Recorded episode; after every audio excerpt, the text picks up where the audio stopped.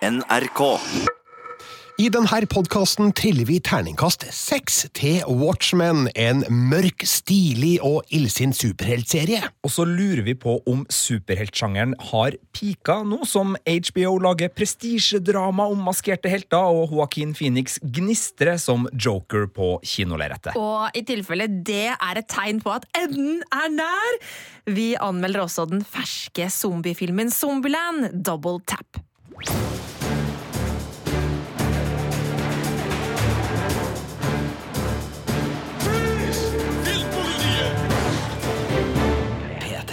Hjertelig velkommen til en ny podkast fra oss, med Birger Vestmo. Marte Hedenstad. Og Sigurd Vik. Og vi skal aller først ut snakke om den nye HBO-serien Watchmen, som vi alle tre har sett en del av, men noen flere episoder enn andre. Ja, hvis vi tar det i stigende rekkefølge. Birger Vestmo har sett episode én, som nå ligger ute på HBO Nordic. Marte Hedenstad har vel sett ca. fire episoder. Yes, stemmer. Og jeg har sett seks episoder, og det er av ni. Så i eh, åtte uker framover så vil det da hver mandag komme en ny episode på HBO Nordic av Watchmen, som er eh, en prestisjeserie som vi har venta lenge på. Hadde den på topplistene våre eh, av liksom serier vi gleder oss til i 2019, og ja.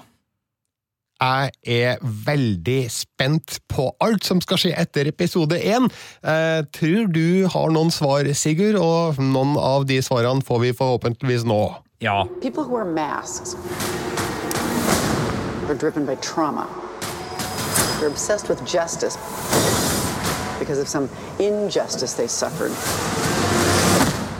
Ergo, the mask. It hides the pain. I wear the mask to protect myself. Right. From the pain.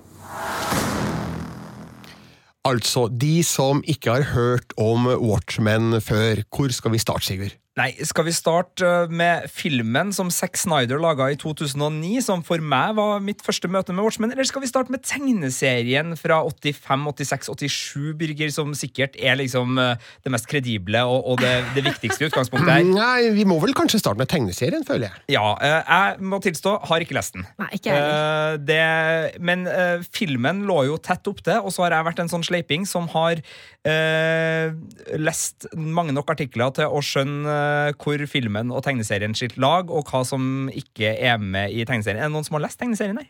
Nei, jeg har tenkt på å gjøre det mange ganger, fordi at eh, jeg syns faktisk ikke den Snyder-filmen var sånn utrolig bra. Så jeg hadde lyst til å lese tegneserien istedenfor, men så ble det aldri da.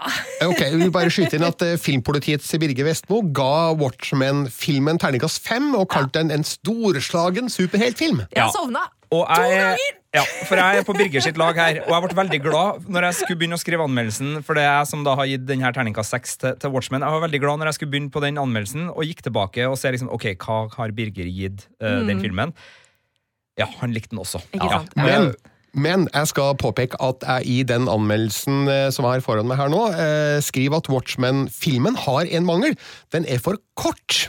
Sjøl en spilletid på to timer og 40 minutter føles ikke lenge nok for den komplekse historien som skal fortelles. Og det er jeg enig i, for jeg så den igjen eh, her nylig, og uh, i disse tider så er jo det en kort superheltfilm. Altså etter at Ja, ja, ja. tretimersbarrieren er sprengt i, til fillebiter, så, så er liksom to og en halv time med, med Watchmen. Men helt den enig. gangen var den ulidelig lang. Men vet du hva, jeg skal ta og Ikke se ulidelig, den på Marte. nytt. eh, Fordi eh, det hadde vært interessant å, å sette den med, med 2019-øyne. For jeg syns den var kjedelig den gangen, altså. Ja. Må jeg innrømme. Det, det er fair, men den var i hvert fall basert da på Alan Moore og Dave Gibbon sitt originalverk, som er en bauta innenfor eh, grafisk novelle, eller tegneserie, om man eh, vil.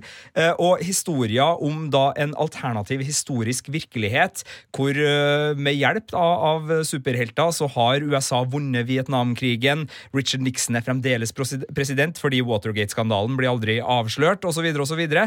og så er det da eh, en eh, gjeng superhelter som har blitt forbudt med lov, eh, og som går eh, da litt under jorden eh, i denne virkeligheten. Og både filmen og den originale tegneserien utspiller seg på 80-tallet i en veldig sånn noir-dynka verden, eh, hvor vi blir kjent med en del superhelter. De fleste uten superkrefter. Det er vel kun Dr. Manhattan som etter et eh, meget eh, ja, ubehagelig fysikkeksperiment ender opp med, med noen uh, gudelignende krefter. Ja. Uh, og resten er jo mer hardtslående og, og godt trente folk med litt sånn Batman-esk-aktige uh, gadgets, da, blant annet det her uh, skipet med øynene som, som funker. Men den historien er knallgod. Eh, Vi skal ikke diskutere den eh, her og nå. Og det som har skjedd da, når Damon Lindlov, som laga Lost, som laga The Leftovers, har fått eh, HBO-penger for å ta det her videre, er at han har utvida historier i begge endene. Først og fremst ved å legge handlinga til 2019, som gjør at den foregår ca. 30 år etter handlinga i både film og tegneserie. Men han spenner også opp historier sånn at den gir oss eh, noen smakebiter på hva som skjer før uh, handlinga i tegneserien og filmen.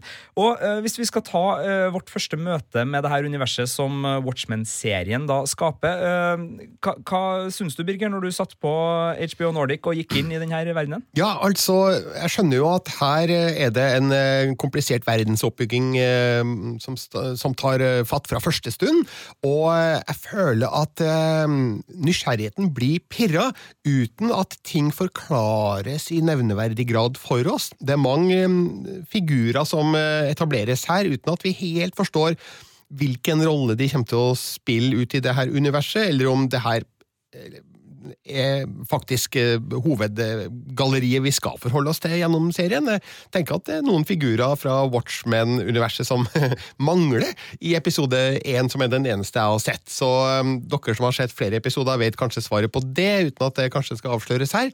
Men eh, jeg føler at det her er en smart introduksjon da, til et eh, alternativt univers der det er mange morsomme, finurlige, interessante og litt eh, småskumle detaljer da, som trer frem da, i løpet av den første episoden. Så eh, jeg tenker at det her føles for meg som en forsmak da, på hva serien skal bli, men det er en deilig forsmak da, med et rikt persongalleri, eh, der man bare egentlig kan gjette hvilken funksjon de ulike eh, involverte kommer til å ha da, i løpet av eh, serien som skal utspille seg. Mm, jeg er veldig enig med Birger. Det var også mitt eh, inntrykk etter den første episoden, og det ga meg veldig lyst på å se mer. Og jeg er jo heldig da som har fått se flere episoder. Og eh, jeg likte veldig godt akkurat det der med at ting ikke overforklares.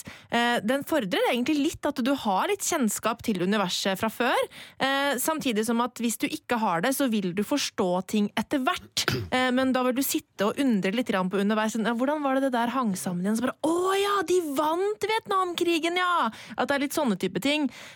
For det hadde jeg eksempel glemt. Men det syntes jeg var spennende å finne ut. Og så liker jeg veldig godt det derre dystre eh, samfunnet eh, som det tegnes et bilde av, eh, som eh, også på en måte jo er veldig aktuelt eh, for oss i dag. Jeg tror ikke du trenger å ha forutgående kjennskap til Watchmen egentlig før du begynner å se eh, serien. Nei, men det vil ta litt mer tid før Ja. du skjønner hvordan ting henger sammen. Ja, men man forstår ganske kjapt at man er i et alternativt univers. For eksempel er det veldig gøy å finne ut hvem som har styrt USA de siste åra. Eh, Men derfor så forventer man òg at det er elementer i historien som er, ligger på mm, et annet nivå da enn det vår virkelige virkelighet har hatt av de siste 30 åra. Ja, men jeg tenker at den tar litt for gitt at man vet ting. Men så er det jo, det var jo gøy for meg å, å finne ut av disse tingene som jeg ikke husket også.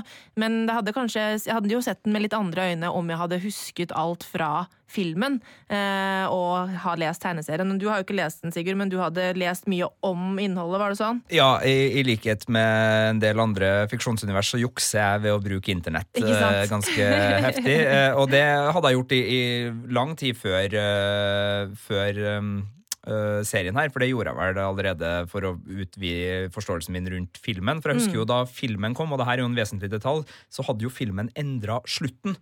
Lite grann. Altså, øh, filmen foregår nesten sånn som men det, er, men det er en veldig viktig detalj på slutten av tegneserien som filmen modifisert. Uh, men serien uh, skipper da filmslutten og forholder seg til tegneserieslutten.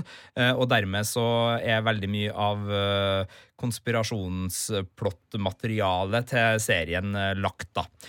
Men det er jo en illsint serie, det her. Den starter med en skildring som er helt sånn hjerteskjærende vond av eh, en eh, ja, eh, massakre i Tølsa i 1921, er det vel, som der et nabolag, eh, stort sett bestående av svarte, som er et ganske velstående etter datidens standard nabolag, eh, blir angrepet av eh, mennesker iført Ku Klux Klan-kappa, som eh, både fra lufta og på gata går til angrep på, på familier. Både menn, damer og barn blir, blir jaga her, og det, folk lynsjes i gata. altså det, det setter jo ei stemning for serien som er ja, eh, eh, direkte grell og, og rasende, vil jeg si.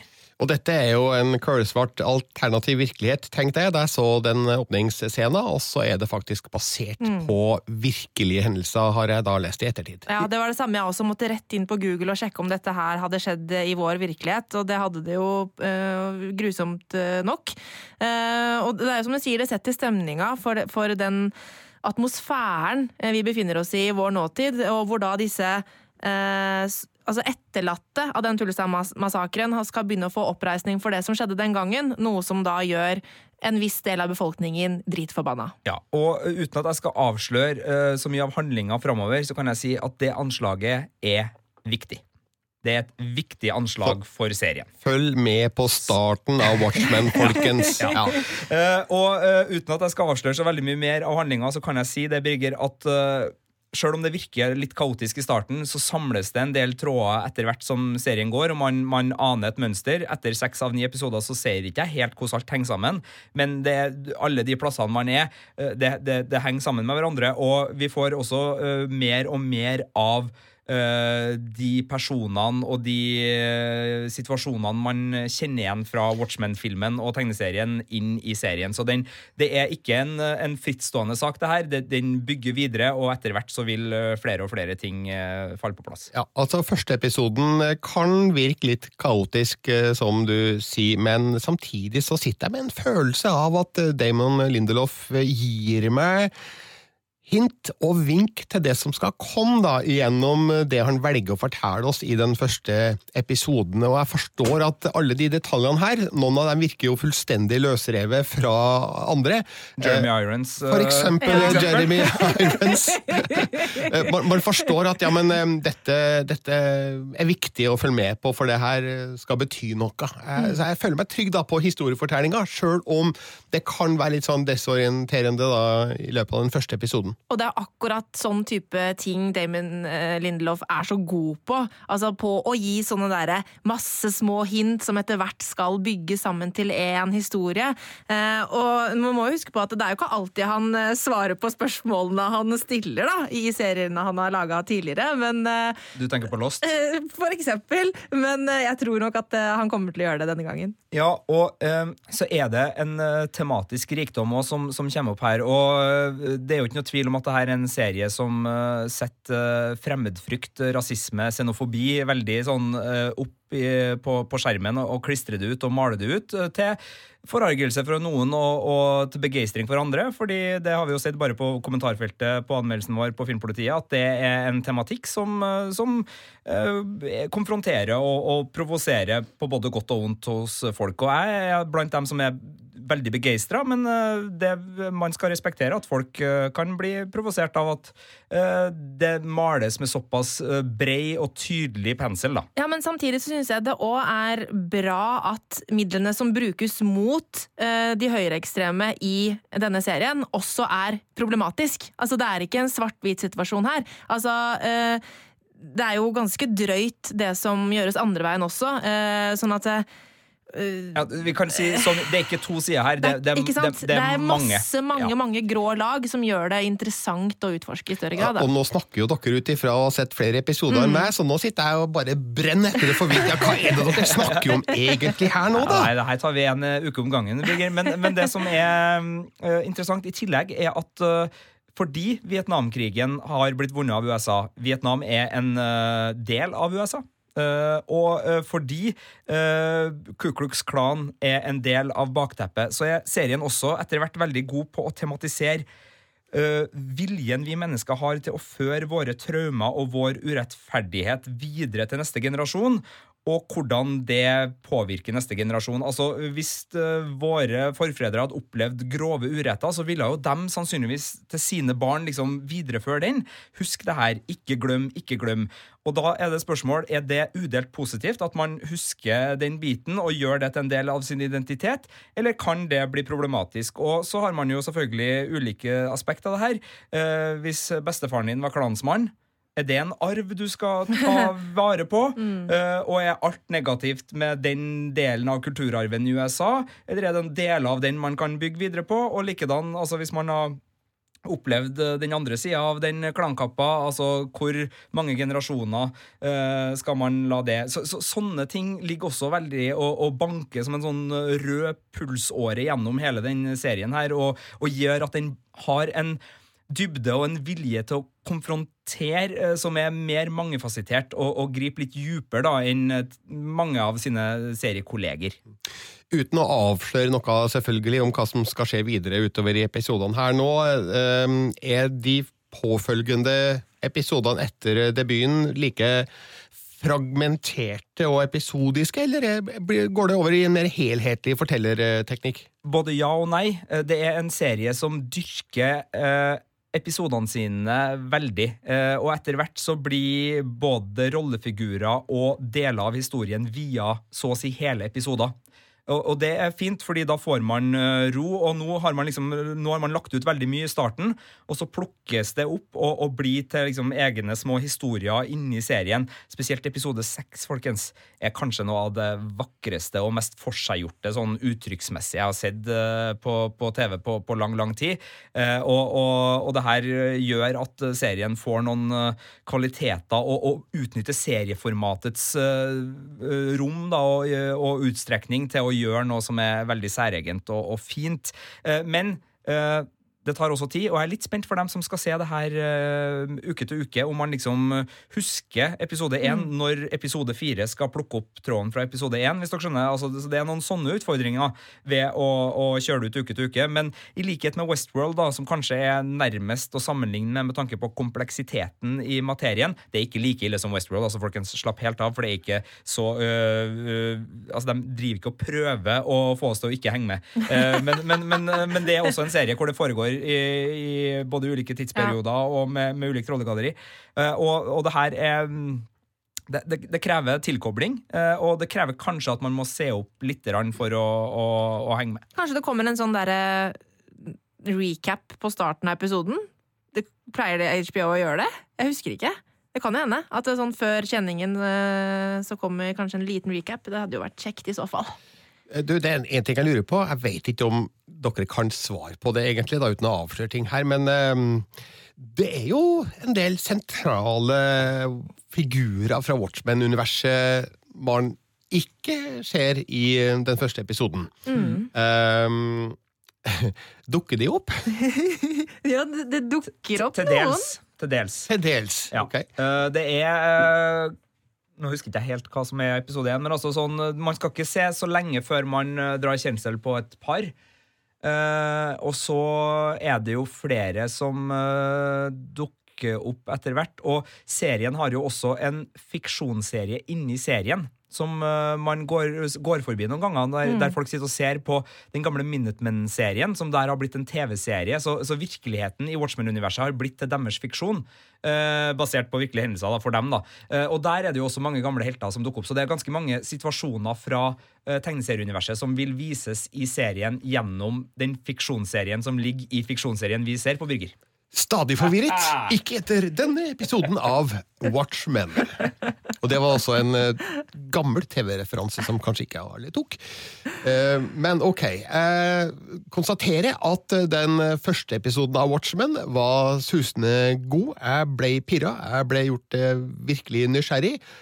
du, Sigurd, som har sett seks stykker, du kan melde at kvaliteten i første episoden, den videreføres? Ja, det her var en sånn Altså, Terningkast seks er jo alltid en, en vrien en, og det her er ikke et mesterverk etter seks episoder av ni. Det er litt for tidlig å si, og, og den har litt sånn eh, tempoutfordringer og, og, noen sånne tråder som kanskje ikke er helt der oppe.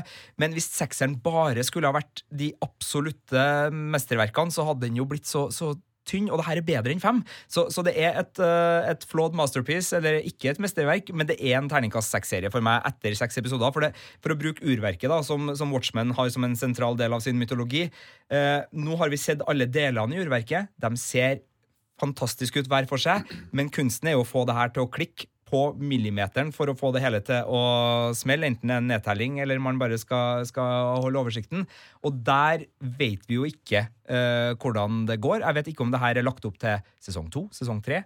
Aner ikke, men eh, jeg er forferdelig nysgjerrig. Men jeg må bare spørre dere. Jeg har gitt terningkast seks. Dere har jo sett på, Er det noe dere er uenig i? Har dere noen innvendinger? Er det noe dere syns skurrer i det her universet? Altså, Ikke foreløpig, men eh, jeg har da bare sett én episode. Men ut ifra den så kan jeg godt forstå at det her er en eh, serie som sikter høyt, og som faktisk kan eh, komme til å treffe. Enig, etter fire episoder for min del også.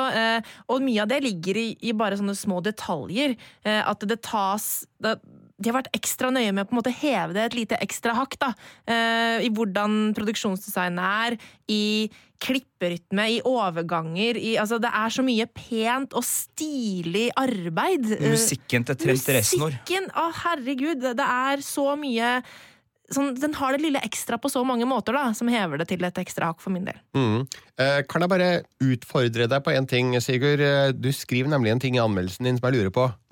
Eh, Watchmen er nattlig tegnefiske på en ste stearinopplyst innsjø. Ja. Hva betyr det?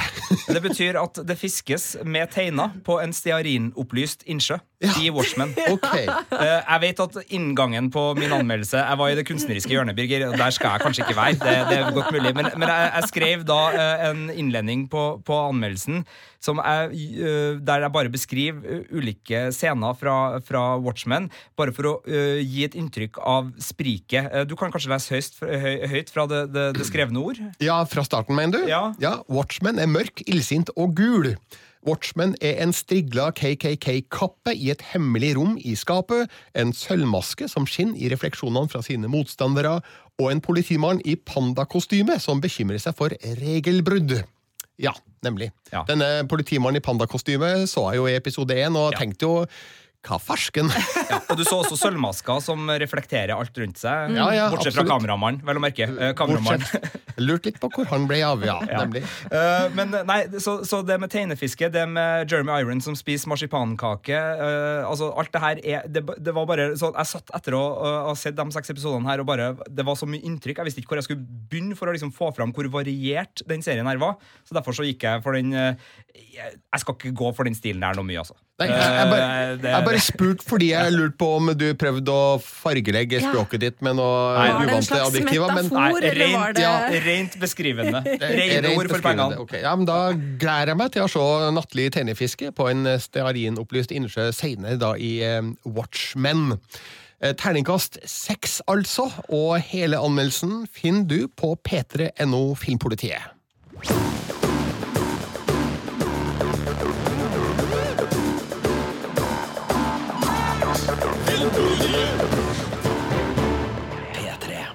Og så skal vi stille et eh, provoserende spørsmål. Eh, Vi holder oss til superheltsjangeren, og vi spør eh, har superheltsjangeren pika nå som HBO har laga dette prestisjedramaet om maskerte helter, og vi har jo da nylig sett Joaquin Phoenix i sin gnistrende hovedrolle som Joker i filmen ved samme navn. Er det her det beste vi får? Er det over nå? Det er det vi lurer på. Kjør i debatt! Ja, og jeg synes vi kan legge til at det her er også året hvor uh, Avengers bare liksom satt uh, publikumsspikeren i, i tavla. holdt jeg på å si. Altså, de slo rekorder. De, de er den, det er den mest sett, det er ikke mest sette, men altså den mest innbringende kinofilmen eh, noensinne. ikke det nå, Birger? Det har faktisk blitt det den har overtatt tronen som Avatar hadde. Ja, og i tillegg så har jo uh, The Boys, som er en veldig god superheltserie som ligger på Amazon Prime, uh, også i, uh, ved siden av at, at uh, Watchmen uh, driver og, og tukler med, med formatet, så har den eh, tatt for seg superhelter som merkevare, som styrer seg sjøl, og sett på liksom kapitalismelogikken i superheltverdenen. Altså, vi har fått veldig mange deler til, til bords nå, og, og, og summen av dem gjør at jeg lurer på uh, når HBO slenger to Oscar-vinnere i Regina King og, Jeremy Irons i en Damon uh, Lindelof-serie uh, etter et publikum som egentlig ikke er superheltpublikum i det hele tatt, tror jeg. Jeg tror HBO strekker seg etter andre her. De vil ha sine prestisjedramafolk. De som liker Game of Thrones, de som liker The Leftovers, de som liker uh, Westworld. De skal komme til bords her. Så, så, uh, så, omfanget og variasjonen og, og kvaliteten på superheltsjangeren uh, jeg, jeg, tror kanskje vi har nådd toppen nå, altså.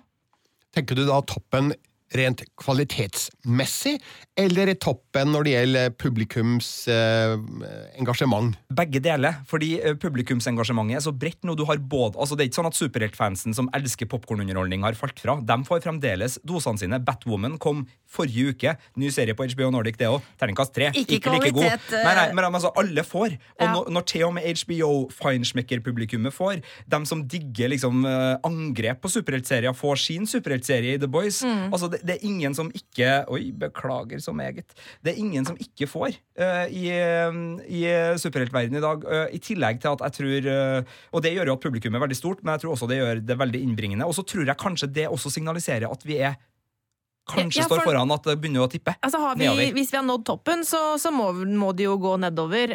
men det jeg lurer litt på, er Ja, Watchmen er jo det er ypperste kvalitet. Og uh, The Boys i Amazon Prime er også utrolig uh, høyt nivå på, uh, og en, et, en, spennende vinkling på superheltsjangeren. Men er, er, det et element i det at vi på en måte er lei den derre vante superheltfilmen med svære effekter, den der Avengers-greia? Er det Bidrar det til at vi nå liker dette her ekstra godt? Fordi at det er en, en måte, kontrast til det vi har blitt fora med i så mange år nå? Ja, jeg tror vi har fått motreaksjonen, og så er det i den rare situasjonen at motreaksjonen og øh, momentumet til hovedreaksjonen ja. har bare liksom møttes i et, i et, større momentum, da, hvis man kan si det. Altså, mm. Fordi Avengers-skipet har ikke mista kraft. Det dundrer fremdeles på. Uh, og så har liksom motreaksjonene kommet og, og, blitt med og lufta det hele sånn, sånn totalt. da enda høyere. Uh, og det at liksom uh, Joker, som på ingen måte er en superheltfilm, bortsett fra at det er en superheltfilm, Uh, gjør det så altså, Her snakker vi Oscar-vinnende prestasjon, muligens, og en film som henter liksom på arven fra Scorsese og uh, New York-autører på 70-tallet. Altså, det, det, er en, en, bredde og en kunstferdighet i noe som, som, er, uh, ja, som er vanskelig å, å si at kan toppes på noe vis. Det kan selvfølgelig legges mer til. Det kan godt hende at 2020 blir det store superheltåret, men, men det føles litt som at vi både er på topp, og at det kanskje er metta. Mm. Jeg veit ikke om jeg kan være enig i det, i det året der Avengers overtok eh, tronen fra Avatar, og det er jo alt som tyder på at publikumsoppmerksomheten er på topp. Vi vet at Marvel har sementert sin posisjon som de fremste leverandørene av superheltfilm, og de har eh, et tjuetalls filmer under planlegging. De har hundrevis av superheltfigurer i sin tegneseriestall. Og den her eh, dråpa skal melkes Nei, det var kanskje feil uttrykk. Eh, kua skal melkes. Den her kua skal melkes helt til juret er tomt, yes. og det juret det tror jeg er stort og innholdsrikt. Og Men juret er aldri så fullt som før det blir melka? Nei, det er riktig. Men altså, hvis vi ikke skal bli fascinert av superhelter lenger, hva skal vi hva skal, skal, hva skal, vi over til da? Skal vi liksom tilbake til cowboya da? Jeg ser ikke helt for meg at vi skal dit igjen, at det skal bli en ny trend. Nå, nå har den superheltsjangeren holdt seg så sterk så lenge. Altså, I hvert fall, hvert fall ti års tid, da. Ja, Elleve, vil jeg si. 2008 er vel et uh, vannskilleår her Men, med Iron Man. Ja, det er litt interessant, for før den siste Avengers-filmen så var jeg altså så drittlei. Jeg var dritlei uh, av de der store action-blockbuster-superheltgreiene. Og så kom Avengers uh, Endgame, og så jeg, og var, jeg, var, jeg, der tilbake med en gang. Og Captain Marvel og alt. Altså jeg, da var jeg inne i det med en gang, så de klarte jo å suge meg tilbake. Eh, men jeg syns jo det er veldig deilig at vi får den motreaksjonen som vi har nå. Eh, fordi det er en helt annen type, mer ja, feinschmecker-materiale, eh, om du vil. Eh, som jeg liker veldig godt. Eh, men ja, det blir veldig interessant å se hvordan på en måte Marvel skal fortsette med alt det de skal fortsette med. fordi Altså, jeg, jeg klarer ikke helt å forstå hvordan de skal klare å på en måte opprettholde det momentumet de har, da, og den interessen, selv om vi ser jo at den er enorm. Men eh, ja, de må jo klare å heve nivået enda et hakk, da, og det er jo Ja, hvordan skal de gjøre det, liksom? Men, men eh, hvor eh, ser vi tegn til at vi begynner å bli leie? At, at det Nei, er en meg, meg personlig, bare. Ja, det ble litt lei, rett og slett. Nei, men det, det, det ble kanskje litt feil, for jeg er egentlig ikke så opptatt av å si at vi er lei. Jeg er bare opptatt av å si at når alle disse tingene foregår samtidig, så er det på en måte peak superheltsjanger. og jeg tror ikke det, vi står foran noe stup, men eh, Men jeg er ikke lei lenger nå, var poenget mitt. Mm. Nei, og, og, og den oppad, jeg tror den oppadgående kurven eh, kanskje har eh, nådd toppen sin. Eh, så er det jo ikke til å komme unna at Avengers-historia var noe som de brukte elleve år på å bygge opp til. Og det er ikke bare bare å bygge opp en ny saga som skal kulmineres eh, med et klimaks eh, over natta. De, de er litt sånn eh, på bar bakke med i hvert fall de store, liksom, massive historiene sine, Marvel nå. Eh, DC har aldri helt fått det til i samme skala, sjøl om de krydrer med gode filmer. Ny Wonder Woman-film. altså Det kommer jo til å Ja. ry inn med folk for å se det. Og den nye Batman-filmen er jeg veldig spent på. Eh, med godeste Twilight-far, hva heter han igjen? Eh, Pattinson eh, i hovedrollen. Det ser jeg for meg også skal bli en sånn litt annerledes eh, superheltfilm. Eh, så jeg er jo spent på hvilken retning DC har tenkt å gå, med tanke på at deres sånne blockbustere har jo ikke eh, Ja, det har jo fungert eh, i no, Aquaman gjorde det bra på kino, men kvalitetsmessig, og heller ikke publikumsmessig i, i like stor grad som Marvel, fungert på en like god måte. Eh, Så kanskje de bare velger å gå en annen retning. Og så skal vi jo også ta med at uh, tegnefilmen er med her, fordi Spider-Man Into the Spider-Verse Ja, er jo enda et tegn på at øh, alle drar i, i Alle har løfta superheltsjangeren i det siste året. Den kom riktignok på tampen av fjoråret, men hvis man tar et kalenderår tilbake i tid, da Ja. Vi har liksom fått Det har fyra på alle sylindere, og nesten opp til maks, altså. Men jeg tror nok at du har rett, Sigurd, i at uh, rent publikumsmessig så toppa det seg med Avengers Endgame. Vanskelig å se for seg at eh, Marvel skal, eller andre da, skal lykkes i like stor grad med noe annet i de åra som kommer, med det vi vet da er på vei av superheltfilm. Man skal selvfølgelig aldri si aldri, men eh, det kan tenkes at eh, 2019 var toppåret, men jeg tror ikke vi er ferdig med superheltfilmer på veldig lenge. Og vil vi egentlig det? Nei, altså Det er jo som eh, når du har tatt heisen opp på fjellet. ikke sant? Du, det er oppover, oppover, oppover, og brukt dritlang tid på å komme på toppen. Så er jo det å kjøre ned på snowboard hele veien ned en herlig tur. Og det kan jo ta, kan jo ta ganske lang tid å komme ned hvis det er et stort fjell, eh, men en deilig tur blir det jo.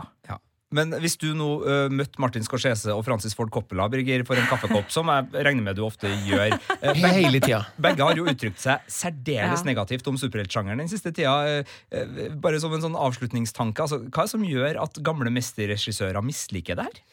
Nei, det er vel fordi de føler seg gamle og utdaterte. Eh, De er jo fantastiske filmskapere, og Scorsese har jo tydeligvis levert et nytt mesterverk nå med The Irishman, så det er jo ikke det at de har mista evnen, men eh, de har jo ikke greid å treffe den her publikumsnerven slik disse superheltfilmene har gjort, så det er mulig det er en viss grad av misunnelse inn i bildet, men eh, mest av alt tror jeg det handler om at de føler seg litt sånn fremmedgjort da, i møte med disse Marvel-filmene og lignende affærer, og eh, føler lite fellesskap da med filmskaperne som står bak disse filmene. Jeg håper jo at Martin Scorsese skal ta over for Stan Lee som den her gamle mannen som dukker opp i cameos i alle MCU-filmene framover. Men det kan hende eh, at han vil eh, motstride seg. Men, men det overrasker meg, da, uten at jeg har eh, gått dypt inn i kritikken de har kommet med, da.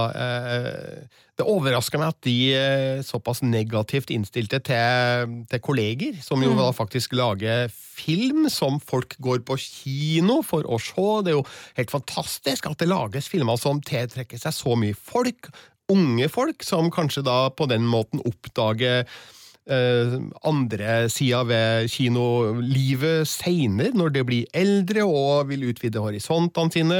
Uh, så, sånn sett så er det merkelig at eh, Scorsese og Coppola har såpass lite til overs da, for filmer de ikke nødvendigvis identifiserer seg med sjøl. akkurat der har jo Joker en eh, veldig sånn kul eh, inngang, tenker jeg, for eh, veldig mange nye publikummere mm, som kanskje ja, gikk på, for å se Joker for å se en superheltfilm, og så får de noe helt på en måte nytt som de kanskje Ny type film de ikke har sett før, da. Eh, som kanskje kan bringe dem tilbake til gamle. eh, Taxi Driver av Scorsese, for eksempel. Ja, nemlig. Ja, nei, så um, Mest av alt så har jeg vel fått inntrykk av at eh, noen har spurt dem om hva syns de om eh, superheltfilmer, så sier de nei, det er kanskje ikke helt vår greie, og så har det bare balla på seg, da. Ja. I hvert fall, eh, for Scorsese var jo ikke så negativ, men Coppola var jo den som var mest negativ. Men der tror jeg du har helt rett. Det ble trigga av en journalist som mata han Scorsese var, sa det her, og så dro han på sånn Ja, ja, ok, han var snill. Uh, sier Coppola da. Han var snill, det, det er noe møl. Eh, men eh, var det glimt i øyet når det ble sagt? Hvem vet? Så vi skal ikke sitte her og, og kritisere mesterne eh, for mye.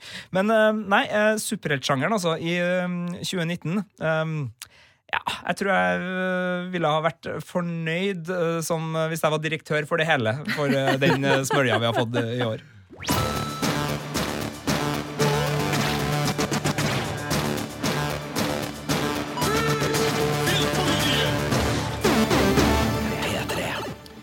Til slutt i dagens podkast skal vi snakke om Zombieland Double Tap, som altså er oppfølgerne til Zombieland fra 2009. Det har altså gått ti år mellom film én og to, og det er jo egentlig litt uvanlig da, at det går eh, så lang tid mellom eh, første filmen og andre filmen. Er det noen av dere som så den første Zombieland? Ja, jeg syns den var veldig morsom. eh, av det jeg husker, da. Det er jo veldig mange år siden jeg så den sist, men jeg husker at jeg kosa meg med den.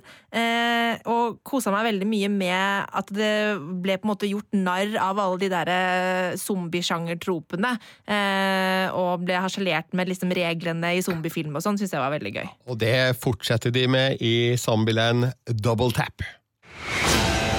Welcome to Zombieland. Life is about more than just survival. We were a family. Dysfunctional, sure, but what family isn't? Merry Christmas! What would you like, little girl? I'd really like for you to stop calling me little girl. But do you know what I would like? I don't give a shit what you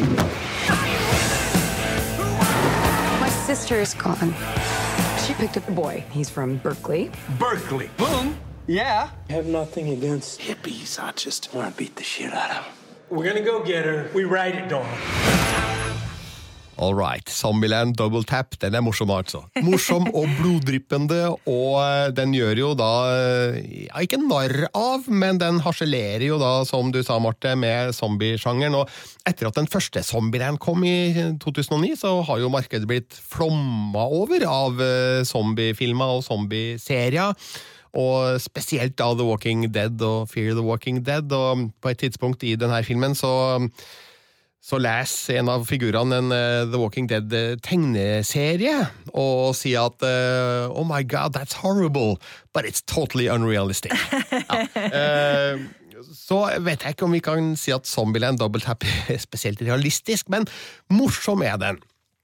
Og hvis man så den første filmen, så ble man da kjent med fire figurer som eh, fant sammen, og som da prøver å overleve zombie-apokalypsen som har ramma USA. Og det er da Columbus, spilt av Jesse Eisenberg, Tallahassee, spilt av Woody Harrelson, og så er det da to søstre, nemlig Wichita, spilles av Emma Stone, og Little Rock, som spilles av Abigail Breslin. Og når vi møter dem i Double Tap, så holder de fremdeles eh, sammen, og eh, noe av det første som skjer, er at de inntar eh, Det hvite hus, for det er tomt og forlatt. Og eh, de inntar The, Oval Office, og um, Tallahassee finner da eh, noen gamle sigarer fra Bill Clintons eh, tid. Ok. Og, eh, Lewinsky-boksen. og Wichita kommenterer at eh, noe som ligner You bring, eh, really bring eh, decency to the presidential office. Så det er masse morsomme kommentarer der, da. Men så rømmer Little Rock, eh, som jeg sa, spilles av Abigail Breslin, som eh, Hun var vel da 11 da den første ble spilt inn. Nå er hun 21, hun har blitt voksen. Og eh, på vei ut av redet, og rømmer da sammen med en figur de møter på sin vei. Dette dette må jo de tre andre forsøke å redde hun fra, for der ute så finnes det skumle zombier, og også da en helt ny type, mer farlig eh, zombier. Så mm, det blir en eh, roadtrip igjen, da, der de legger i vei mot eh, Memphis, Tennessee, og mm, målet er Elvis Presleys Graceland. Noe av det morsomme i filmen her er jo at um, Tallahassee, altså Woody Harrelsons figur, er stor fan av Elvis Presley, og det gir seg noen uh, gøyale utslag da i løpet av denne filmen.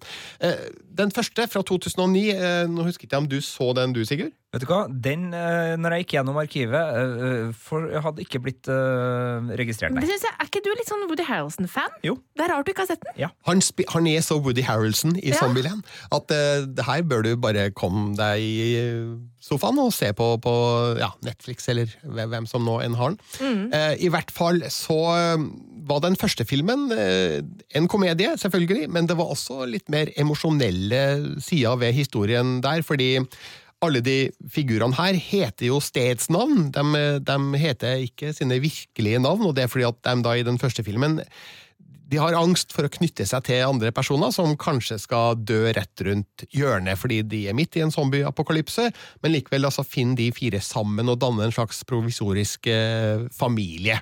Eh, men den andre filmen er mer ren komedie, uten de her eh, mer emosjonelle sidene. Det, her er blått til lyst, og det er rock'n'roll og party, og det er ACDC på soundtracket. Så det er mer sånn fest, da. Mer Ok. enn, og, og det syns jeg egentlig kler i denne eh, filmen, med dette persongalleriet. Og jeg tenker at de, de, de tar brodden av en sjanger som kanskje kan bli litt sånn ja, sjølhøytidelig da, ofte. For det jeg lurer litt på, eh, de, de tok jo på en måte brodden av sjangeren sist også, eh, men de klarer likevel å holde det friskt nå, selv om de på en måte bare gjør det samme på nytt, eller? Ja, Greia er at det er så lenge siden eneren at jeg har jo glemt egentlig hva de gjorde! Det er derfor de venta så lenge! Ja, nei, så jeg, jeg føler at det her er en, en, en film som jo da benytter seg av de siste ti åras fokus på zombiesjangeren. Eh, For det har ikke vært så mange morsomme zombiefilmer, eller serier, har det det da? Nei, ikke siden Shaun of the Dead. kanskje ikke det siden sist. Nei, Shaun of the Dead var jo en, det var enda lenger før. Ja, 2004. Så eh, det er kanskje derfor de fant ut at tida var inne for å komme med en oppfølger, da. Ja. Nå skal det sies at det her er en sjanger som ofte opererer utenfor kinomarkedet. Så altså, det, det fins sikkert skrekkfilmfans der ute nå som liker B-filmer, som, som river seg i håret. For jeg, eh, vi- har en kollega, Jørn Kårstad, som har åpna en litt ny verden for meg. For eh, rett på, på DVD, rett på Blu-ray, eh, skrekkfilm, og gjerne da litt eh, humoristiske sådan. Så det, så det fins sikkert, men i kinosammenheng så har du helt rett, Birger. Ja, og det jeg liker best med filmen, det er jo da samspillet mellom de fire. Det vil si, Abigail Breslin forsvinner jo litt ut da på et tidlig tidspunkt fordi hun legger ut på rømmen, altså rollefiguren hennes. Men eh, sånn som altså, Jesse Eisenberg, han er jo nok en gang da den her systematiske nerden som har et sett med regler som gjør at han overlever. Og så er Woody Harrelson, han er, som, som jeg sa, han er Woody Harrelson, bare i sånn ekstrem utgave. Eh, og så er Emma Stone den skarpe, syrlige dama. Jeg tror egentlig Emma Stone er sånn på ordentlig. Jeg har jo vært på et sånt rundbordintervju med hun i Cannes en gang, og hun var skarp, altså. Det var det, ja. ja. nesten litt skummelt å stille spørsmål, fordi at hun kunne bite fra seg hardt tilbake, virka det som, da, men hun er sikkert veldig Spennende. hyggelig, altså. Eh, og så er det noen nye bekjentskaper i filmen òg, som er med å utfylle og fargelegge persongalleriet. Altså Rosaria Dawson er med, og Luke Wilson. Eh, først og fremst de to, da, som uh, gjør at uh, det er en del nye morsomme bekjentskap her. Og også Zoe Deutsch, som også spiller i den serien The Politician, som du Ja, ja, anmeldte ja. nå nylig. Eh, spiller eh, Er det lov å si blondine, og så skjønner alle sammen hva jeg mener? Ja, det er lov. Altså veldig blondine, da, i, sånn, i, i klisjésammenheng. Ja. Men eh, ja, så det er veldig morsomme figurer her. Eh, skarpt, morsomt skreven dialog. Og så, for alle zombiefans, det er masse blod her. Det er masse gørr, det er masse splatter, og humoristisk eh, sådan, selvfølgelig. Kan kanskje ja, si litt negativt der om at det er mye av det her som ser digitalt ut, Ja. og som sikkert er det. Er jo en sucker for uh, practical effects. Jeg vil jo helst at de skal bruke sånn, uh, sånn sirupsblod, ikke sant? Blodposer og full pakke. Ja, altså, Peter Jacksons Brain Dead er malen her, ikke sant? Det skal, det skal være synlig gu. Det, det må ikke, være ordentlig gore! Ja, Det skal ikke legges på digitalt. Altså, jeg er litt imot det, men jeg forstår jo at det kanskje er mest hensiktsmessig da, ofte. da. Uh, men det er en del uh, oppfinnsomme måter å ta livet av zombier på i Zombieland Double Tap, som jeg tror vil glede de som liker sånt, og er like sånt. Det høres ut som du har kosa deg skikkelig. Jeg har det. Jeg så noen andre uh, anmeldt filmen på, på, nett og kalte det en sånn fantastic midnight movie.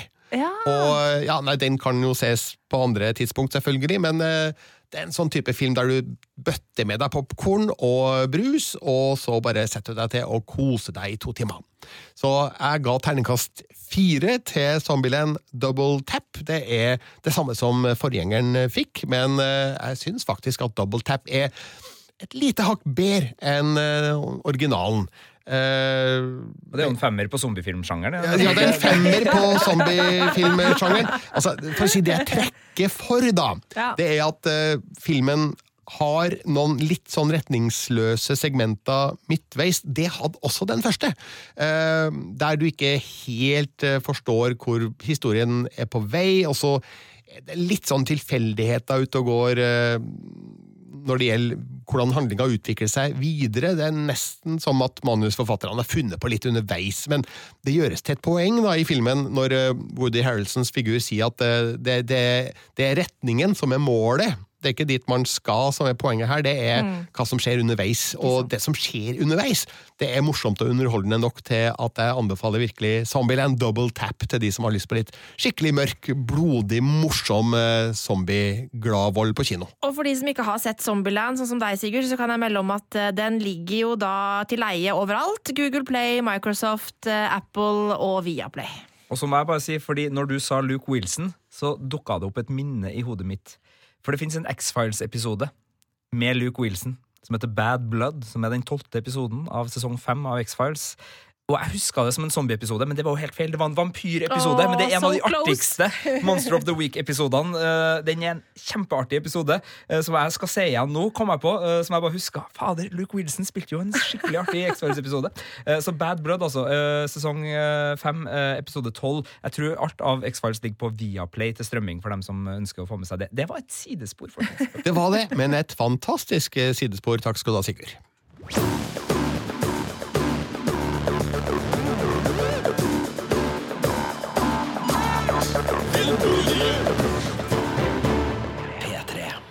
Straks slutt for podkasten, men eh, vi må komme med et par tips på tampen, for vi har anmeldt noen filmer som vi ikke har hatt tid til å prate om her. Eh, du, Marte, har sett eh, Judy med René Selveger? Yes, og hun spiller altså på strålende vis Judy Garland uh, i da filmen som handler om hennes uh, siste år i livet, rett og slett.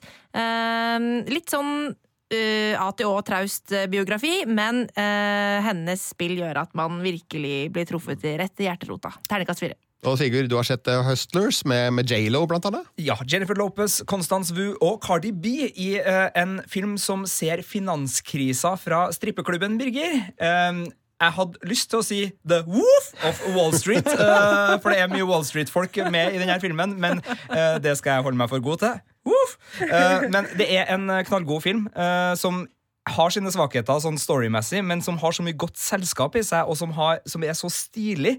Eh, 'Svindlere med stil' valgte jeg å, å, bruke som ingress på den her. Eh, så den får faktisk en litt ufortjent, men likevel fortjent terningkast fem av meg, og er en soleklar anbefaling for dem som har lyst til å ta med seg vennegjengen på en eh, krimdrama-feel-good-film på kino denne helga. Og jeg har sett den svensk-danske horror-thrilleren Kokodi Kokoda. Tittelen henspiller på et sånn svensk barnerim.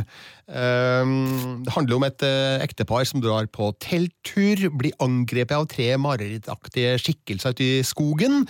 og de blir angrepet gang på gang i en slags Groundhog Day-lignende situasjon. Jeg skal være forsiktig med å avsløre noe her, men eh, det, det, hele er egentlig en allegori over et eh, smertefullt tap de har lidd. Så det her er på overflata en ganske enkel skrekkthriller, men eh, det er mye som bobler under der, som handler om alt filmen ikke si rett ut. Så det er faktisk en sterk terningkast fem-film fra regissør Johannes Nyholm. Koko di Koko da heter den. Kan jeg bare slenge inn at uh, Netflix uh, slipper denne helga uh, filmen Dolomite Is My Name med Eddie Murphy, Snoop Dogg, Chris Rock og Wesley Snipes blant folkene på rollelista. den er en biografi over en blaxploitation-regissør og rapp-pioner fra det glade 70-tall, og er absolutt verdt å få med seg for dem som digger enten blaxploitation, Eddie Murphy, Snoop Dogg, Chris Rock eller Wesley Snipes. Om en uke er Filmpolitiet tilbake med en ny podkast, og da har jeg en mistanke om at det annet skal handle om den norske skrekkfilmen De dødes tjern. Ny versjon av eh, den klassiske filmen fra slutten av 50-tallet. Den skal du få anmelde, Birgit. Jeg var på hyttetur for en uke siden, og jeg tenkte på den, og jeg sleit med å gå ned til vannet oh, for å hente ja, ja, ja, ja. Og så skal vi nok innom den nye mm, animasjonsfilmen Familien Adams. Selvfølgelig da basert på The Adams Family. Eh, er det noe som skjer på seriefronten vi vet av neste uke? Ja, Det kommer en eh, norsk serie. Anders uh, Bosmo og Anders Danielsen Lie er i hovedrollene. Den går på Viaplay, og jeg må nok besette meg Nei, bes, besatt heter det. Jeg må nok se den, ja. Og så skal så, vi så vel skal også vi til Eventyrland med His Dark Materials på HBO Nordic. Er ikke det neste uke, da? Ja, 4. november. Ja, det er, ok, det er kanskje ikke neste uke, da. Anmeldelsen min kommer neste uke, så jeg kommer til å snakke om den neste uke, i hvert fall. og ikke minst så eh, skal vi eh, muligens eh, snakke om det som skjer 8. november, nemlig Terminator Dark Fate. Litt tidlig ennå neste uke, men uh, Du har jo sett den, du. Jeg har sett den. Du har jo møtt Arnold, du. Jeg har møtt Arnold. Ja, du har jo møtt Linda Hamilton, du. Jeg har møtt Linda Hamilton. Uh, det er mulig vi må snakke litt om det uh, om en ukes tid, altså, i vår neste podkast. Men det er slutt for i dag. I studio Sigurd Vik. Marte Hedenstad. Og Birger Vestmo, tusen takk for følget. Og legg igjen en rating og en kommentar nå oss på filmpolitiet at .nrk.no, og så Nei, nå sa jeg feil. sa filmpolitiet at nrk.no. Ja, og så heter vi NRK Filmpolitiet på Instagram, og der er vi også eh, gjerne med å diskutere under anmeldelsene våre som legges der. Så hvis, hvis, vi har tatt feil, vi tar jo aldri feil, men hvis vi har tatt feil, f.eks. på Watchmen, og du er uenig, eller bare har lyst til å være enig, så ta gjerne kontakt i de kommentarfeltene. The End.